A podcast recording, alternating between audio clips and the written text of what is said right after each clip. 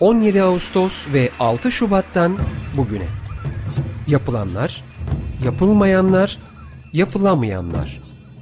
Kamu kesimi, sivil kesim, bilim insanları depremi tartışıyor.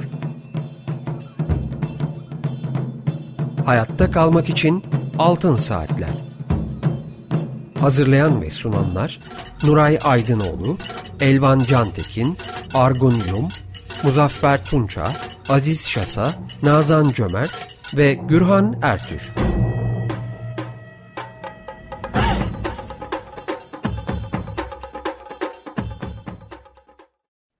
...95.0 Açık Radyo'da Altın Saatler programındayız.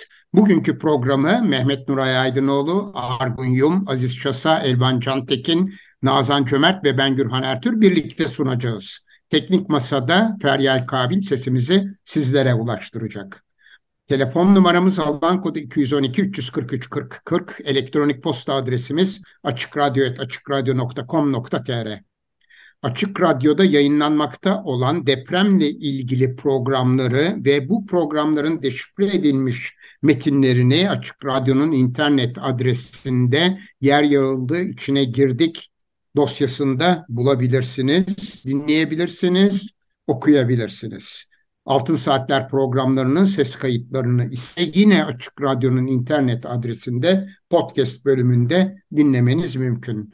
Bugünkü programımızın destekçisi İnsan Tunalı'ya teşekkürlerimizi iletiyoruz. Efendim bugün konuğumuz Berman Mantı. Berman Hanım hoş geldiniz programımıza. Teşekkür ediyorum. Sağ olun. Çok naziksiniz. İyi yayınlar diliyorum.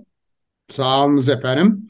Ee, Nuray Hocam, Argun Yum, Aziz Şasa, Nazan Cömert sizler de programa hoş geldiniz. Hoş bulduk. Hoş bulduk. Evet, başlangıçta yanlışlıkla Elvan'ın da ismini zikrettim ama Elvan bugünkü programımıza katılamıyor çünkü e, şehirler arası yolda. Evet, ben hemen e, Berman Mantı Hanım'ı tanıtmak istiyorum. Adana İş Kadınları Derneği Yönetim Kurulu Başkanı ve Türkiye Odalar Borsalar Birliği e, Kadın Girişimciler Yönetim Kurulu Başkan Yardımcısı.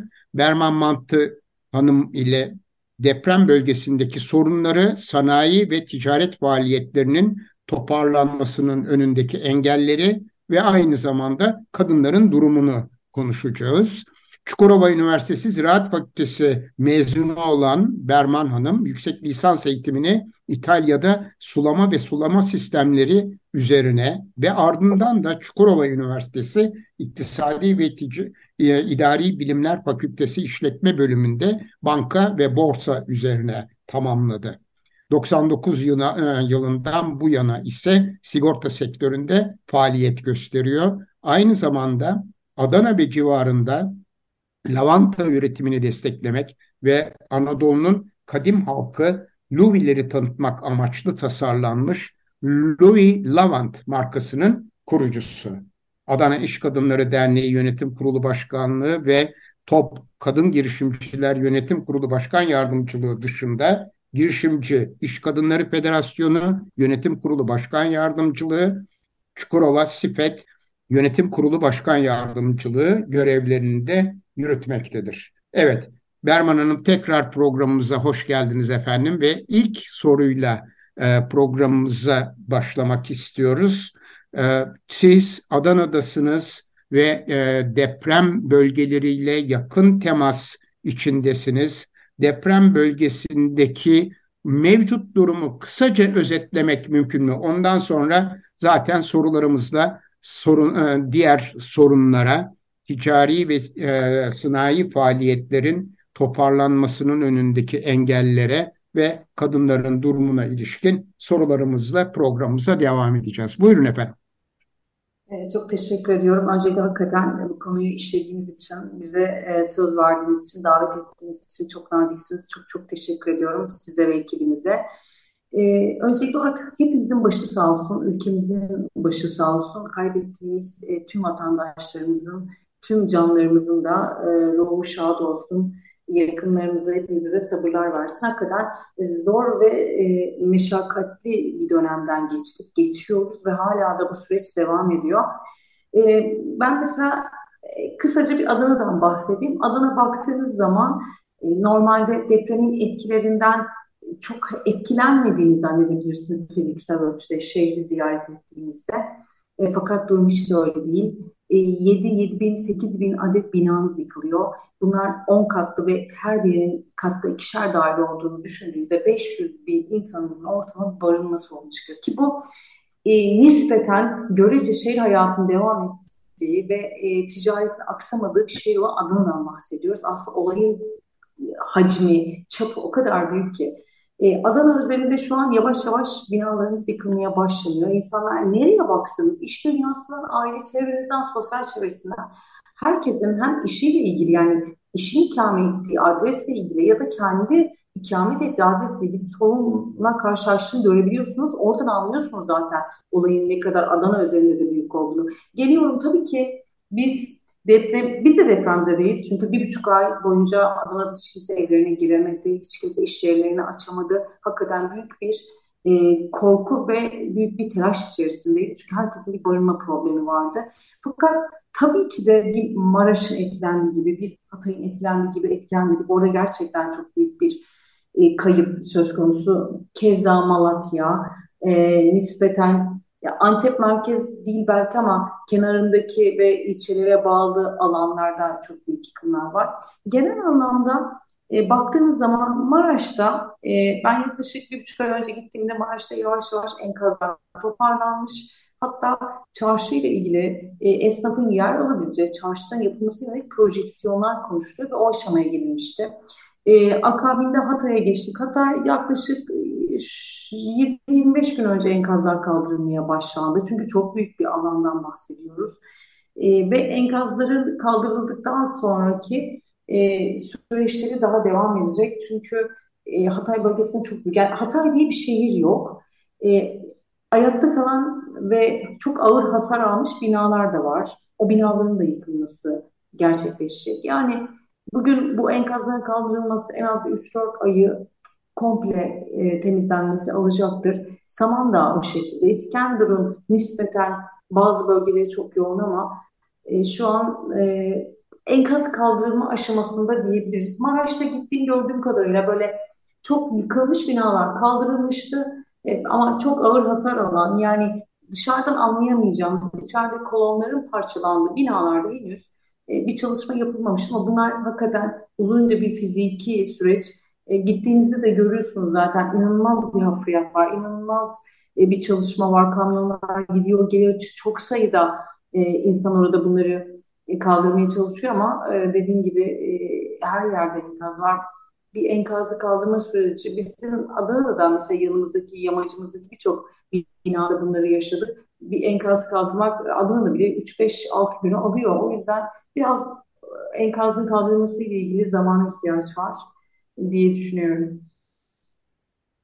Evet ve anlaşıldığı kadarıyla hala e, en önemli ihtiyaçlar barınma, e, enkazların kaldırılması, e, bunlardaki sorunlar devam ediyor herhalde değil mi efendim?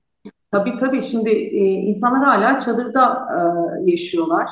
E, genel anlamda baktığınız zaman çadır kentlerde yaşayan vatandaşlar var. Çünkü gidecek bir yeri yok ve her şeyi kaybetmiş. E, Birçok çok SİHAK'ın oluşturduğu yerler de var. E, AFAD'ın oluşturduğu, belediyelerin desteklediği alanlar var, çadır kentler var. E, bunlar e, yerleşik bir şehrin verebileceği birçok e, fonksiyonu vermeye çalışıyorlar ama nihayetinde henüz çadırda yaşıyorlar. Malum burası Akdeniz bölgesi. Artık havalar çok ısındı.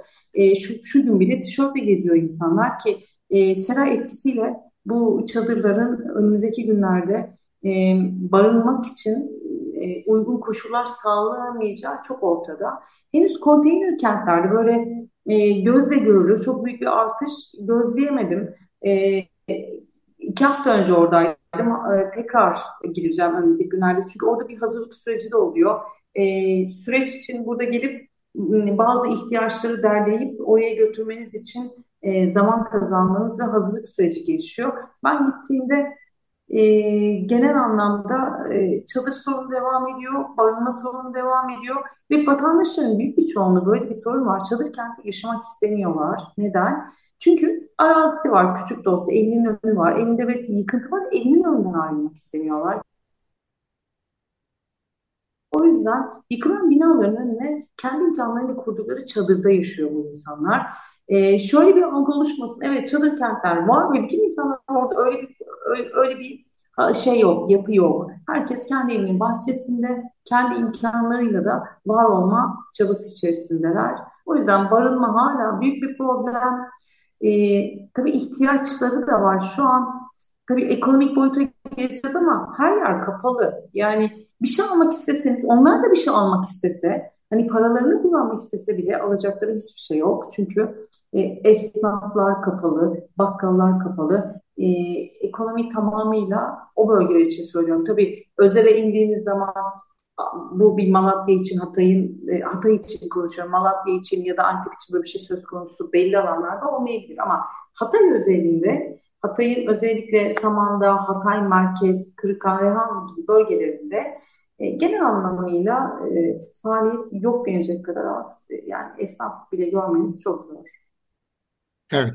Berman Hanım siz e, Ziraat Fakültesi mezunusunuz ve yüksek lisansınızı da sulama ve sulama sistemleri üzerine e, gerçekleştirmişsiniz. E, bölgede e, su durumu şu anda e, ziraatten önce insanlar açısından e, önemli ve hayati bir konu durumundaydı.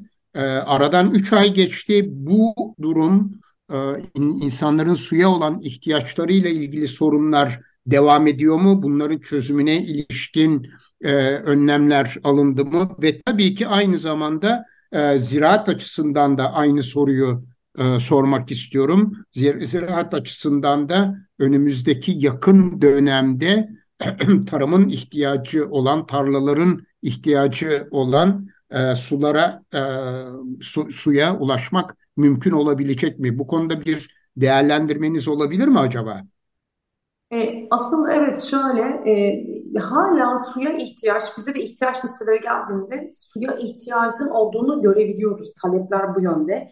E, te, temiz kaynak sularına ulaşmak e, henüz zor çünkü e, altyapı e, sorunları ve e, bununla ilgili altyapı çalışmalarının henüz tamamlanmadığını biliyorum. Bununla ilgili ama Hatay Belediyesi'nin bir çalışma, bir çaba içerisinde olduğu da biliniyor. Fakat e, olayın büyüklüğü, e, yani hakikaten yaşanan şeyin trajedisi açısından da bugün sistemi olan bir kent sisteminden uzak bir yapı var. O yüzden bu bunun yine söylüyorum biraz zaman alması, o kanalizasyon sistemlerinin, altyapı su ve sulama sistemlerinin yeniden oluşturulması ve biraz da tabii ki de e, bölgede ciddi şiddette yaşanan e, depremden dolayı e, kaynak sularının e, hijyeni ve bunların arıtılması ile ilgili de şu an problemler var. Onunla ilgili çalışmalar yapıldığını biliyorum ama hala şu an temiz suya ulaşma konusunda e, bazı problemler bölgede devam ediyor. Ben Hatay üzerinde konuşuyorum ama diğer bölgelerde Malatya'da, Maraş'ta belki bazı kesimlerde azalmış olabilir. Merkezi alanlarda bu problem devam ediyor. Hatay'da zaten Hatay bir tarım açısından sebze meyve ile ilgili e, özellikle tarım bununla ilgili tarla, sebze ve meyveciliği üzerine ihracata odaklanmış bir şehir. E, zeytin üretimi konusunda dağlık arazilerde ve birçok alanda zeytin üretimi var. E, suyla ilgili orada çok ciddi bir problem olacağı düşünülmüyor. E, birçok e, görüştüğümüz çiftçilerde de e, bununla ilgili suyu çekebiliyorlar. E, suyla ilgili yani bir tarımsal faaliyetlerin devam edebilmesi açısından herhangi bir su problemi bana ulaşan bilgilerde böyle bir problem yok. E, fakat e, kişisel e, kaynak suları ile ilgili, hijyenle ilgili e, hala problemler devam ediyor Evet. E, Nazan Cömert'in bir sorusu var. E, evet, tabii afet bölgesi geniş bir e, alan e, ve her e, ilin e, farklı öne çıkan ekonomik faaliyetleri var. E, Hatay için hep dile getirilen turizm, tarım ve gastronomi, diğer kentler için e, daha farklı ekonomik e, faaliyet alanları var. Genel anlamda sadece konutlar değil, iş yerleri de hem fiziksel olarak zarar gördüler. Yani yıkım ve ağır hasarlı iş yerleri, üretim yapan yerler olduğunu biliyoruz. Hem kendi çalışanlarını e, bir kaybı oldu hem de e, bölgedeki e, afetin e, büyüklüğü itibariyle bölgeden de çok büyük bir iş gücü e, çıkışı oldu. E, bu e, açıdan baktığımızda e, gelen anlamda acaba özel sektörün e, hem bu iş gücünü o e, yerinde tutmak adına e, yapmış olduğu faaliyetler var mı? E, siz gözlemlediniz mi? Onu öğrenmek istemiştim. E, şimdi şöyle e, bankalar mesela çok basit bir şey bankaların şubeleri yok. Neden? Binalar e, çok ağır hasar almış e, neredeyse yıkılmak üzere. Şu an bir banka açalım deseniz bile belli alanlarda açılabilecek durumda bazı mesela Hatay merkez için konuşuyorum. Açamazsın çünkü bina yok. Var olanların birçoğu da ağır hasarlı.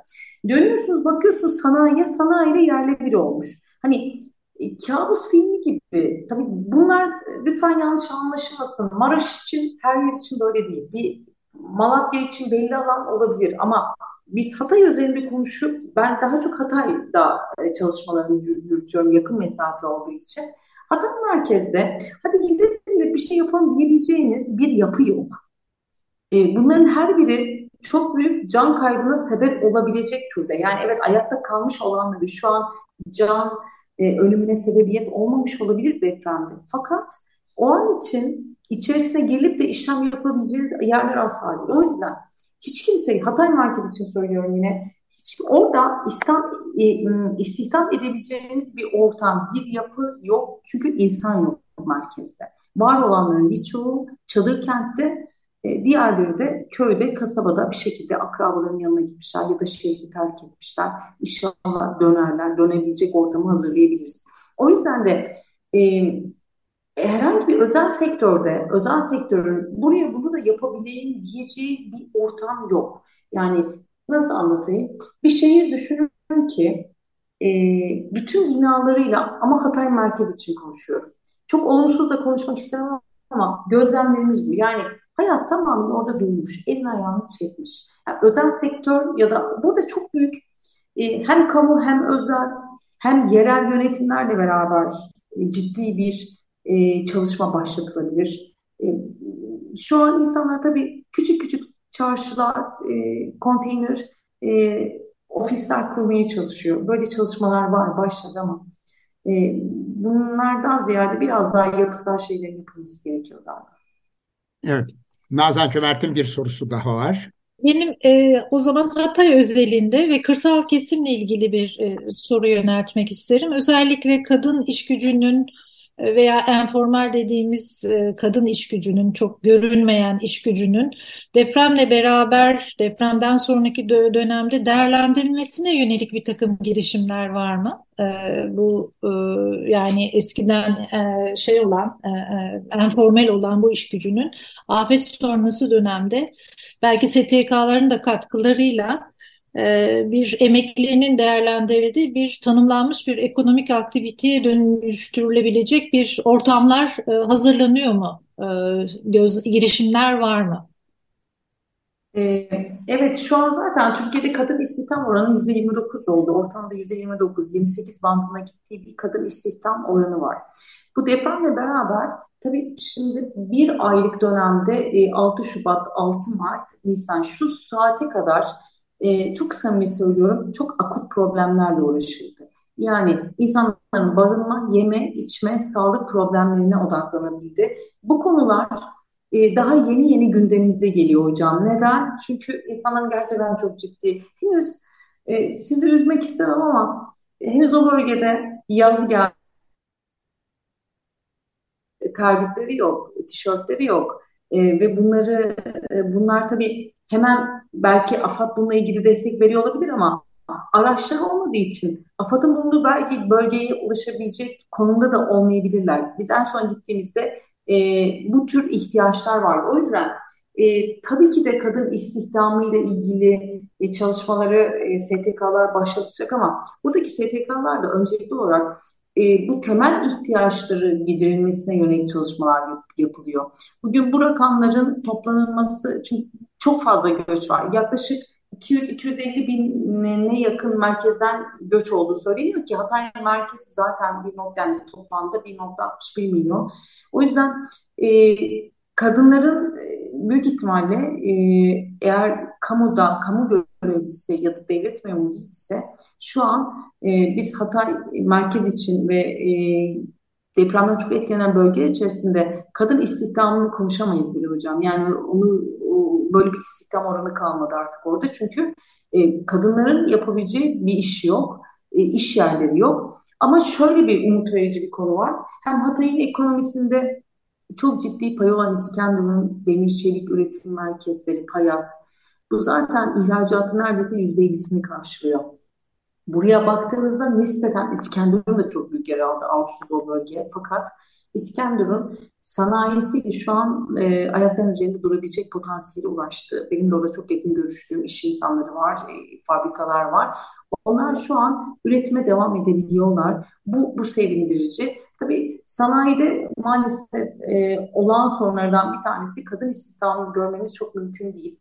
Biz önümüzdeki günlerde e, orada bir çalışma içerisine gireceğiz. Şu, istihdama yönelik henüz bir analitik çalışma, bir e, anketle ne kadar istihdam kaybı var, ne kadar e, çalışılıyor yönelik henüz bir çalışma yok. Fakat şu var, kadınların istihdamını değil ama ayakların üzerine durabilmek ve ekonomileri sağlamak için e, bazı projeler üretilmeye başlanıyor. Buradan o bölgedeki üretim yapabilecek hanımefendiler bulunup onlara el işçiliğiyle ilgili e, bazı çalışmalar e, yaptırıldığını biliyoruz. Mesela bizim de iş kıtı olarak yapmayı istediğimiz bir proje var. E, bizim çok yardım götürdüğümüz birçok bölgedeki hanımefendileri bir araya getirip bir dikiş atölyesi. Çünkü en kolay yapabilecekleri ve bir an önce hem kendi ihtiyaçlarını karşılayabilecekleri hem de mahalledekilerin ihtiyaçlarını karşılayabilecekleri e, atölyeler kurulması gerekiyor. Bunun için de işte maalesef yine konteyner ve e, bunun gibi şu an bulmakta zorluk çektiğimiz e, konteynerlere ihtiyacımız var. Bu tür yapısal yardımlar ve yapısal yapılandırma artık yeni yeni yapılıyor. Bu sevindirici ama henüz daha enkazın etkisiyle hocam size e, böyle bir oran veremiyoruz. Çünkü halihazırda e, kadınlarımızın çok aktif çalıştığını söyleyemem. Belki Erzin için, belki Dört Yol ve bunu İskenderun için söyleyebiliriz. Orada da yeni yeni e, çalışmalarına başladı. Fakat e, bazı alanlarda kadınları da erkekleri de görmek çok mümkün değil. Evet, e, siz e, aynı zamanda e, sigorta sektöründesiniz Berman Hanım. Sigorta sektörünün durumu açısından, bölgedeki durumu açısından da bir değerlendirme rica edebilir miyiz? Yani e, sanıyorum hem e, hayat sigortası hem sağlık sigortası e, hem de e, diğer alanlarda e, sigorta hizmetleri veriyorsunuz şirketinizde. E, bütün bu açılardan karşılaştığınız zorluklar var mı? Durum tespitlerinde e, veyahut da e, sigortalılarınıza e, ödeme yapmakta e, karşı karşıya kaldığınız sorunlar nelerdir? Kısa bir bilgi alabilir miyiz? E, aslında benim uzmanlık alanım finans. E, biz e, sadece bireysel emeklilik üzerine emeklilik şirketiyiz bu anlamda.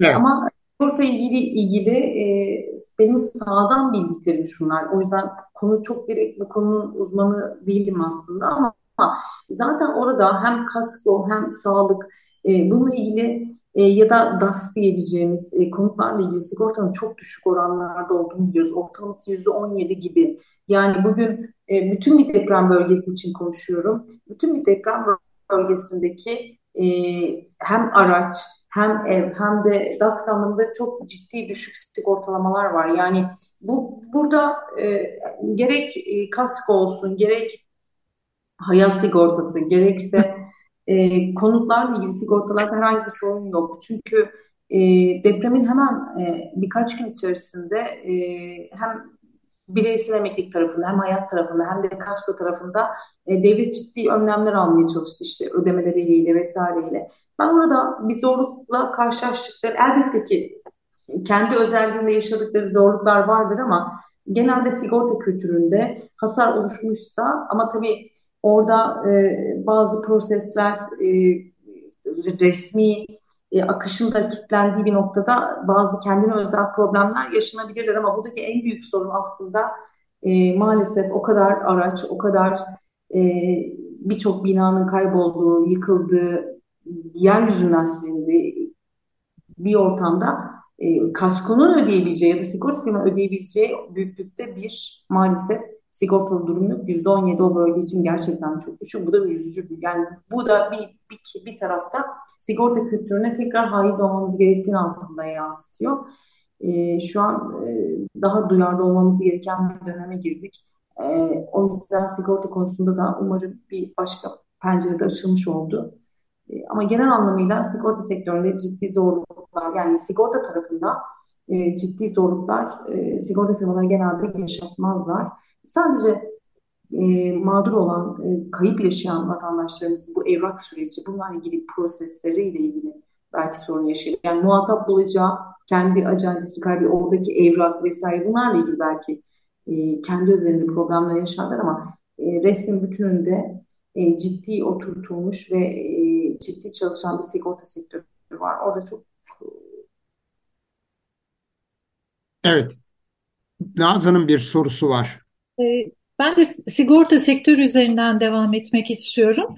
E, tabii sigorta için e, bu risk kültürünün gelişmesi, yerleşmesi çok önemli. E, siz de %17'lik gibi bir orandan bahsettiniz.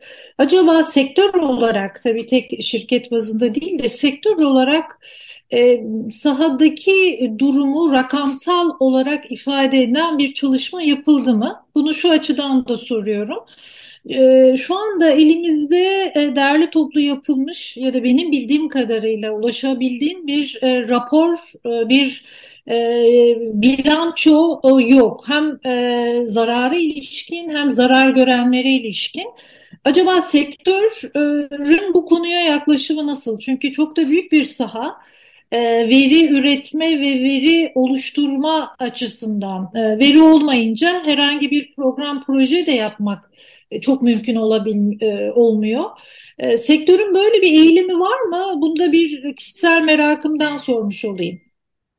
E, sektör tabii ki bunu araştıracaktır. Bunu, bununla ilgili çalışmaları başlatacaktır ama e, bu daha çok e, devletin de e, özelinde e, bu sigorta kültürünü oluşturabilmesi açısından da kendi kaynaklarını, kendi verilerini çek etmesi için e, önemli bir fırsat diye düşünüyorum. Bizim elimizde e, tek bir rapor var, birkaç rapor var ama deprem hemen akabinde biz İş Kadınları Derneği olarak ve Çukurova Sifet olarak e, çatı örgütümüz Türk Girişimi İş Dünyası Konfederasyonu, Türk Konfed'e bağlıyız. Türk Konfed hemen depremin bir ya da iki gün sonra e, ekonomideki bilançosunu 84.1 milyar dolar olarak açıklamıştı. Biz buna kabaca 84 milyar dolar diyelim.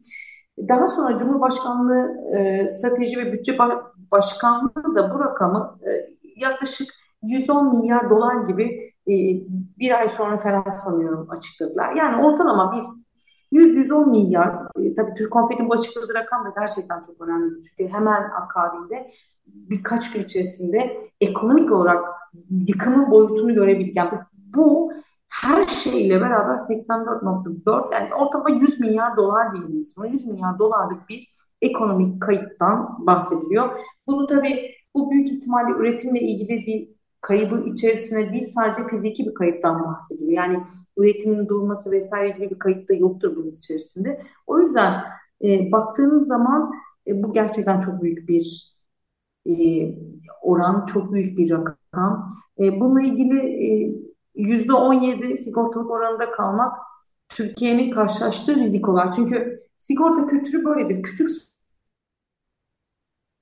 eşleşmeli. Yani sizin üstlendiğiniz 0.1 e, riski karşı taraf 10 olarak size geri ödeyebilir duruma gelmiş. Sigortanın mantığı bu aslında. Fakat eğer biz bunu e, yaymadığımızda bakın karşılaştığımız duruma bakın e, 80-100 milyar dolar gibi bir bütçede e, bir kayıpta biz bunun sadece yüzde on yedisini belki karşılatabilir ki o da eğer şartlar ve e, prosesleri doğru izledilerse ve doğru teminatlarla eğer bu sigorta poliçeleri düzenledilerse birçok insanın depremde de maalesef üzülerek söylüyorum poğaçalarında deprem e, kloslarının olmadığını biliyorum. Yani e, karşıdaki danışmanlık ya da sigorta firmalarında tabii bir sürü seçenek var. Siz kendi yaşam koşullarınıza göre bu seçenekleri oluşturuyorsunuz.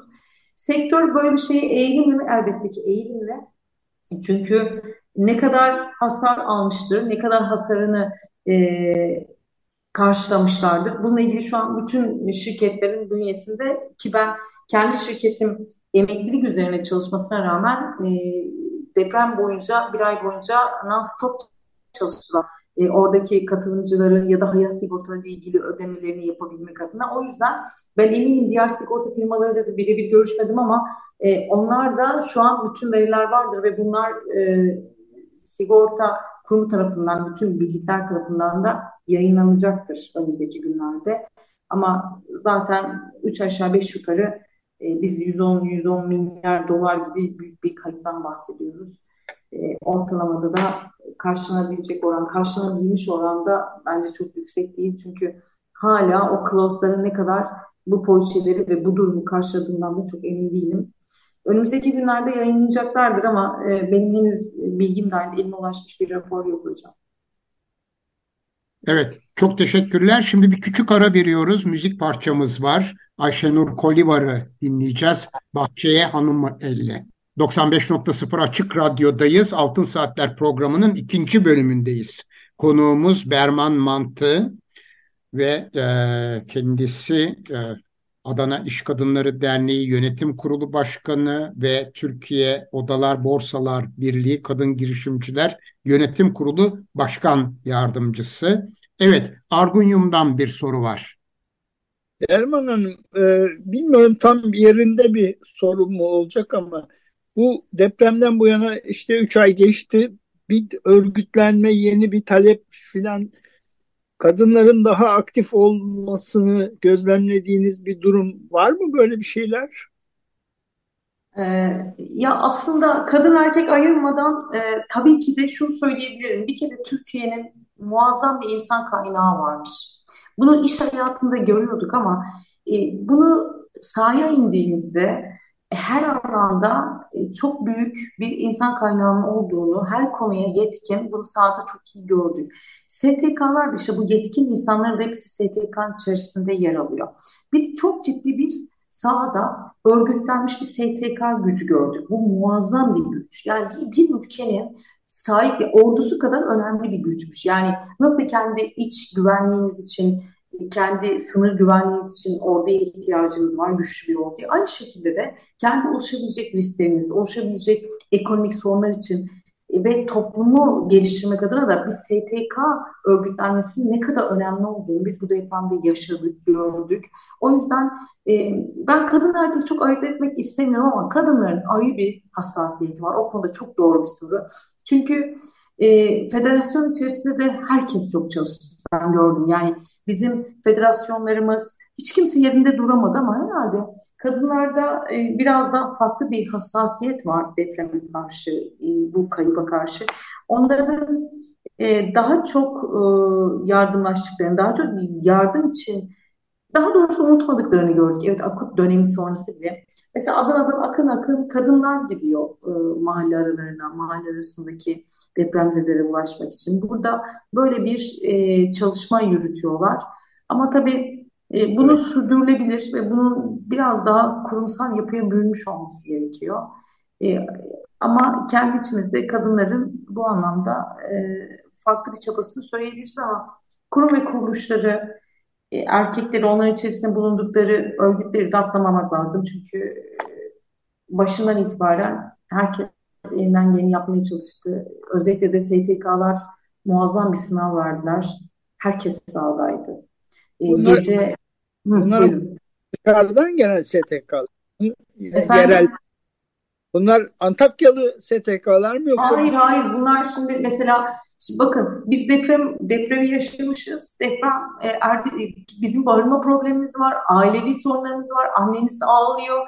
E, insanlar kaos çünkü komşularını kaybetmiş. Yani herkes Adana'da bir böyle bir ortamdayken hepimiz ailelerimizi güvenli alana çektikten sonra bütün STK'lar, kadın, erkek, federasyonlar herkes sahadaydı. Mesela ilk günden itibaren Türk Konfet Başkanımız Süleyman Sönmez, TÜSİAD Başkanımız Orhan Turan Bey, e, GİFET Başkanımız Huriye Serter, herkes sahadaydı, herkes bu bölgeye geldi. Neler yapabileceklerini, nasıl örgütlenebileceklerini ve ilk günden itibaren STK'lar şunu yaptı. Herkesin biliyorsunuz kendi ağı var, networkmiş, örgütlenmek bu yüzden çok önemli. Her ilde e, federasyonların, konfederasyonun çok büyük örgütsel yapısı var. Biz kendi federasyonumuzla beraber diğer derneklerdeki, diğer şeylerdeki arkadaşlarımızla hemen koordine olup yardım ulaştırabilmek için ihtiyaca yönelik çok hızlı yapılanabildik. Biz şu an o dönemde de Hatay'da neye eksiklik var, neye ihtiyaç var, Maraş'ta ne olup bitiyor bunların hepsine, Malatya'da neler oluyor bunların hepsine aynı anda örgütlenip ihtiyaca yönelik gelen malzemeye ihtiyaca yönelik tabii ki kurum ve kuruluş kamuyla beraber e, sevkini ona göre yapabildik. Yani bizler e, akut dönemde depolarda ve sahada çalıştık. Çünkü o dönem bölgeye ulaşılması çok zordu ve gitmememiz isteniyordu. Çünkü arama kurtarma çalışmaları devam ediyordu. O arada bütün STK'lar kendi alanlarında e, oraya en hızlı malzemenin üretilmesi hatta belli dönemlerde biz kendi arkadaşlarımızı sadece Hatay bölgesine, Adıyaman bölgesine buradan araçlar gönderdik. E, eve teslim, adrese teslim e, malzemeleri gönderdik. Yani e, ciddi bir kurye, kurye e, faaliyetlerini yürüttük burada. Çünkü o dönem gerçekten akut bir dönemdi ve e, birilerinin çok hızlı olması gerekiyordu. E, Birçok kurumun e, çabası çabası hakikaten takdire şayan ama herkesin bu büyük alana ulaşması konusunda da hızlı davranması gerekiyordu. Ben size çok net söyleyebilirim ve bütün STK'lar, meslek örgütleri koşulsuz söylüyorum e, muazzam bir sınav verdiler. Herkes sahadaydı. Yani biz sahadaydık. Çok yoğun çalıştık. Ama ben özel sektörü de gördüm. Markette mesela Hatay'a ilk çorbayı gönderen ekibiz biz. İlk ekmeği gönderen, suyu gönderen ekibiz o dönem. Ee, arkadaşlarımız hemen şantiye kurdular. Orada çorbayı hazırlamaya başladılar. Biz buradan göndermeye çalıştık. Çünkü daha ertesi günde hemen depremin bizim yani 7 Şubat'tan bahsediyorum. Akabinde ben markete girdiğimde birçok özel sektör e, araçlarına yükleyip kendi çalışanları ve oraya ulaşmak için e, bölge müdürlerini göndermişti bölgeye yakın. Herkes sahadaydı. Muazzam. Marketteki çocuk ben kendi alışverişimi yaparken marketteki çocuklar abla biz 10 kişi aramızı topladık bunları da koyar mısınız diyorlar. İnanılmazdı yani.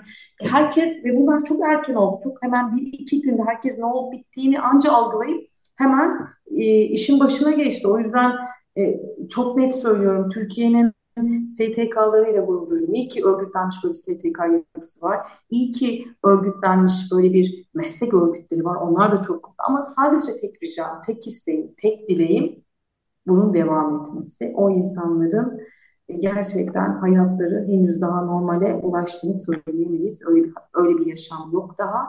Onlar için hala bu çabamızın devam ediyor olması lazım. Biz devam ettiriyoruz. Depremden sonra da bırakmadık. Çalışmalarımızı yürütüyoruz. Hatta inşallah burada da kısmet olursa siz de müsaade ederseniz, izin verirseniz bir türlü yapalım. Beraber yapalım hatta.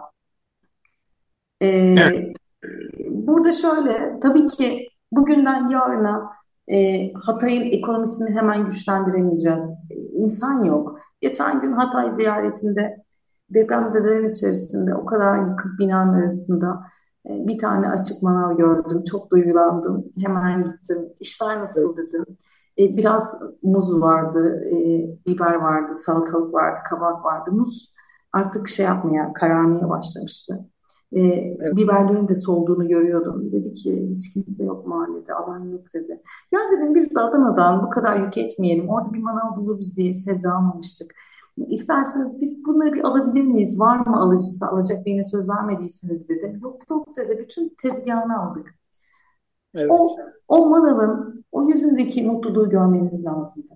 Şimdi evet. burada onun için belki çok şey, belki bizim için çok şey, onu da bilemiyorum ama orada e, verdiğimiz paradan, aldığımız üründen, bunun değerinden daha önemli bir şey var. Bir umut vermek. Birileri geliyor ansızın ve tezgahınızı alıp götürüyor. Demek ki bizim bu sürdürülebilir. O insanların şu an motivasyonu ve umuda ihtiyacı var. O yüzden buradan Beraber isterseniz şunu duyuralım. Biz İş Kadını Derneği olarak Seyhan Belediyesi ile e, hemen depremden tabii akut dönemi bitirdikten bir buçuk ay sonra bütün o mahallelere e, sebze e, fideleri dağıttık. Evlerine, bahçelerine e, üretim yapsınlar diye. Şu an birçok e, mahallede kendi evlerinin önünde sebze üretimi başladı. Seyhan Belediyesi sağ olsun kendi sıralarında ürettiği birçok fideyi buraya sevk etti ki birçok belediye de sağ olsun bugün Türkiye'den birçok belediye de bunu yapıyor, destek veriyor bölgeye. Buradan bizim şunu yapmamız lazım. Önce birinci önceliğimiz tabii ki de ekonomi olarak yapabileceklerimiz var. Devlet kanalıyla yapabileceklerimiz var ama önemli olan turizmi biraz canlandırmak lazım. Öyle o yüzden evet iyi günde ziyaret doğru ama aslında en önemlisi belki de kötü günlerinde ziyaret etmek lazım. Biz bunu önümüzdeki günlerde burada hayata geçireceğiz. Biz bir vefa turizmini hayata geçireceğiz. Eğer e, yılda 3-5-10 gün tatiliniz varsa lütfen gelin deprem bölgelerine, Hatay'a, Malatya'ya, Adıyaman'a ve bir gününüzü orada geçirin. Orada illa konaklayın demiyoruz. Daha güvenli hissettiğiniz illerde konaklayabilirsiniz. Mesela Hatay için bizi tercih edebilirsiniz. Maraş'tan eğer çekiniyorsanız ki artık çok kritik dönemler geçti. Çok daha büyük bir deprem e, beklenmiyor. Çünkü büyük bir enerji boşalımı yaşandı şu an bu bölgede. Bizim o insanlara gidip e, bu umudu verip bu vefa turizmini e, gerçekleştirmemiz lazım. Bizim evet. STK'lar olarak biz şu an buna çalışıyoruz. Orada insanların yani bir iki tezgah derken üç tezgah biliyoruz uzun, uzun çarşıdaki şu an yavaş yavaş esnafların hayata tutunma çabasını e işte oralarda eğer gidip alışveriş yaparsak oradaki e, ticareti canlandırabilirsek e, ve vefa turizmini başlatabilirsek e, bence e, birçok şey içinde e, umut motive olmuş oluruz diye düşünüyorum. Evet, bölge.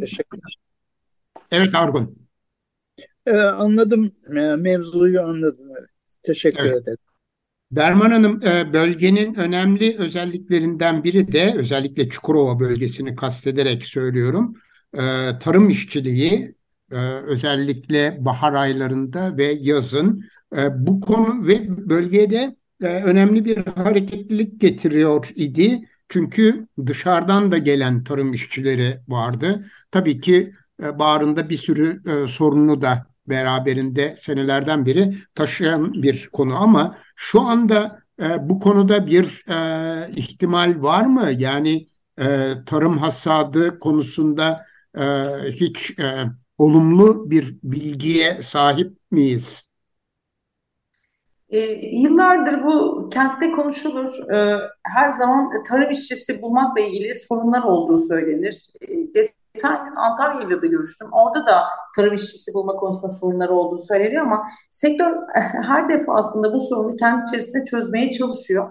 Bizim de projelerimizden bir tanesi tarım işçileri, özellikle kadın işçilerin eğitilmesi konusunda olduğu için bu konuya da biraz vakıfım. E, maalesef e, her sezon başladığında e, tarım işçileriyle ilgili e, burada büyük bir kaos yaşanıyor. E, özellikle o işçilere ulaşma konusunda. E, sanıyorum biraz daha cazibesinin artırılması lazım tarım işçiliğinin.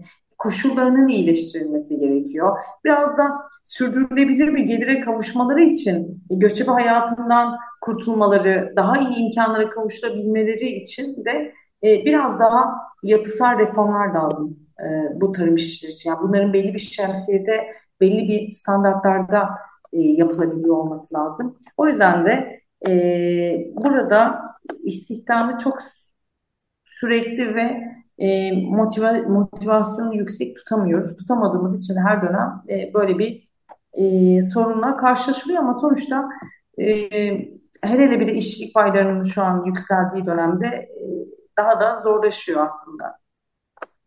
Evet. Ama sonuçta büyük bir büyük bir kaos olarak da önümüze gelmiyor. Yani kendi içerisinde sektör bunu çözümleyebiliyor ama bunun daha yapısal, daha e, standartları belirlenmiş, sınırları çizilmiş, rol faktörleri oluşturulmuş bir meslek haline dönüştürmesi için de e, bir yapısal reform ihtiyaç var aslında. Gerek evet. kamu gerek yerel yönetimler. Evet efendim. Ee, bir e, önemli konu da tabii e, biraz önce belirttiğiniz bölgeden ayrılan, deprem sonrası ayrılanların sayısı oldukça yüksek. Ee, ama pazar günü de seçim var. Ee, bir geriye dönüş e, durumuyla karşılaşıyor musunuz acaba? O konuda nedir durum? Buradaki bölgeden ayrılan insanlar oylarını nasıl kullanacaklar? Tercihleri e, ne olacak veya e, sizin bildiğiniz kadarıyla tercihleri e, nedir? Ee, bu konuda e, yani bu konuyla ilgili görüşlerini bilemiyorum. Çünkü biz genelde bir STK olarak orada bulunduğumuz için e, sadece ihtiyaç analizlerini yapabiliyoruz. E, bu yönde e, nasıl bir yani oy kullanma potansiyelinin yüksek olduğu bölgeler buralar. Genelde e, demokrasiye inanmış, sandığına güvenen, sandığını e, da e, demokrasi hakkını kullanan vatandaşlar ama şu an e, bu konuyla ilgili e, toptan bir geri dönüş mümkün değil ama öyle bir hareketliliğin olduğunu da ben gözlemlemiyorum. Yani oy kullanmak için e, bu bölgelere böyle bir akımın yaşandığını maalesef e, gözlemlediğimi söyleyemeyeceğim. En azından kendi bildiğim çevreler için. E, belki kendi alanlarında kendi imkanlarıyla ulaşmaya çalışıyorlardır. Onun zorluklarını yaşıyorlardır ama şu an böyle bir böyle bir yoğunluk, böyle bir trafik gözlemlenmiyor aslında. Evet, özellikle Özellikle... de Hatay, Hatay açısından e, düşünürsek geldiklerinde nerede barınacaklar, Tabii, evet. nasıl kalacaklar bu da çok son derece e, önemli e, bir sorun tabii. E, siz e, başta sizi tanıtırken e, belirttiğim gibi e, birçok e, kuruluşun da e, üyesi durumundasınız, yönetim kurulu üyesi dur durumundasınız. E, başkanlık ve başkan yardımcılıkları yapıyorsunuz. E, bu kuruluşların e, bölgede şu anda e, uygulamakta olduğu veya uygulamayı planladığı e, projeler varsa, çalışmalar varsa bunlardan da bahsetmeniz mümkün mü? Özellikle de mesela e, Adana İş Kadınları Derneği'nin e, kadınlara yönelik e, gerçekleştirdiği veya gerçekleştirmek istediği e, projelerden başlayarak e, bilgi alabilir miyiz lütfen? Tabii tabii. E, deprem özelinde soruyorsunuz bu soruyu değil tabii, mi? Tabii deprem özelinde soruyorum. Evet. Deprem özelinde soruyorsunuz. Şimdi Türkonfet çatı kuruluşumuz Türkonfet'in Sedefet ve Habitat Derneği ile beraber bu bölgede özellikle Hatay Samandağ, Kahramanmaraş ve Adıyaman'da toplam 1800 konteynerlik kasaba adı verilen hem e, içerisindeki sosyal yaşamı gerçekleştirebilecek hem e, kişisel ihtiyaçlarını karşılanabilecekleri, tüm yaşam merkezinde kurulabilecekleri, oyun, kütüphane, buna benzer bütün bu tarz ihtiyaçlarını karşılanabilecekleri bir e, kasaba kuruluyor. Şu an e, Samandağ'da 266 konteynerlik bir e, çalışma başlatıldı. E, orada e, kurulumlar başlıyor. E, bizim özelimize gelirseniz federasyonların e, aynı zamanda akut dönemde e, ihtiyaç analizi ve bunu, bunları hiç söylemiyorum. Bütün federasyonlar, bütün dernekler ihtiyaç analizine yönelik, vatandaşların ihtiyaçlarının giderilmesine yönelik e, çalışmaları zaten büyük bir canhıraş e, gerçekleştirdiler. Bizim o bölgede yapmayı planladığımız ve çalışmalarına başladığımız e, kadın projeleriyle ilgili şu var. Biz orada bir e, dikiş atölyesi kurmayı hedefliyoruz. E, bununla ilgili de özel bir mahalle var. E, özellikle yardım götürüp tabii ki bunlar bir mahalleye gidip ya da oradaki kadın istihdamını e, birden artırmanız ya da işin içerisine çekmesi çok mümkün görünmüyor. E, çünkü yetilerini bilmiyorsunuz ama bizim yardım götürürken tanıştığımız ve e, sosyal statülerini bildiğimiz, e, ilişki kurabileceğimiz, onları da incitmeden ilişki kurabileceğimiz bir yer var. Orada bunlar konuşulmaya başlandı. Biz orada bir dikiş atölyesi kurup kendi ihtiyaçlarını, e, çünkü bunların yapılması lazım. Bugünden yarına, yarından ertesi güne hemen bir fabrika kurmak çok mümkün değil ama o bölgenin ve o, orada yaşayan yöre halkının bir an önce e, kendi ihtiyaçlarını karşılayabilmeleri için bir e, atölye kurulması lazım. ki kadınlarımızın da dikiş konusunda da e, bu konuda yetkin olabileceklerini düşünüyorum. Şu an çünkü ben sahada da normal işimde de gözlemleyebiliyorum bunu. Atölyeler, dikiş atölyelerinde büyük eksiklikler var. Bu konuda da kendi ayaklarının üzerinde durup hatta ürünlerini dışarı satabilecekleri bir yapıya kavuşturmaya çalışıyoruz. E, bunun dışında e, tarımsal faaliyetleri artırabiliriz. Yani gönlüm çok ister ki e, zaten orada büyük bir tarımsal faaliyet var. Yapısal olarak bunu geçenlerde çok büyük bir market grubu yaptı. Oradaki bütün portakalları vesaireler aldı. Turunçgil üretimlerinin büyük bir kısmı zaten o bölgede gerçekleşiyor. Ben gönül çok ister ki e, hazineye bağlı birçok e, alanda e, kadınların eğer arazisi olmayan hanımefendilerin tarımsal faaliyetleri de çünkü bir yerlerden başlamak gerek ama bu biz isteriz ki kadınlarımız da sanayide yer alsın fakat şu anki ortam ve koşullar bunu henüz sağlayabilecek düzeyde değil. O yüzden tarımsal faaliyetler konusunda da bir girişimimiz var. Biraz önce de aktarmıştım. Ee, onlarca, binlerce, e, onlarca e, kamyonla şeyi götürdük, fide götürdük o bölgeye. Kadınlarımızın biraz tarımsal faaliyetlerini artırabilmek amacıyla. Şu an orada yapılabilecek en önemli şeylerden biri e, var olan girişimci kadınlarımız özellikle de ipek böceği e, bugün orayla ilgili de bir gelişme var. Orada da ipek böcekçiliğiyle üretim yapan hanımefendilerle onların ürünlerini satışına e, yönelik bir çalışma içerisine girdik. E, tabii bunlar böyle çok mikro, e, çok henüz makroya aktaramayacağımız ölçekte işler. E, ama işte biraz önce de söylediğim oydu. Tüm STK'lar e, bir yerinden işini tutabilirlerse bu sürdürülebilirlik ve e, hareketlilik anlamında da e, orada belli bir iğme kazandıracaktır. Biz şu an 1, 2, 3 projede hem tarımsal faaliyet hem ipek böcekçiliğinde üretim yapan hanımefendi satışlarını e, satışların yapılması konusunda e, bir e, projemiz var, bir e, çalışmamız var. Üzerine çalıştığımız konular bunlar. E, var olan bütün projelerimizi biz de durdurduk. Burada oralara ulaşmaya çalışıyoruz bu konularla ilgili. Evet.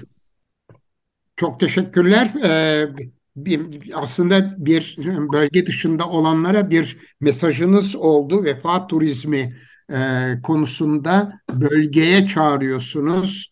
E, bu aynı zamanda bir destek çağrısı tabii ki. E, bunun dışında programımızın son bir dakikasında özellikle bölge dışındaki bizlere e, mesajınız var mı? Ne demek istersiniz? E, tabii çok e, e, üzücü konuşmak istemem, kimsenin moralini bozmak istemem ama burada yaşananlar gerçekten çok ciddiydi. E, herkes elinden geleni yaptı. Fakat bu bir buçuk iki ayda e, kapanacak bir konu değil.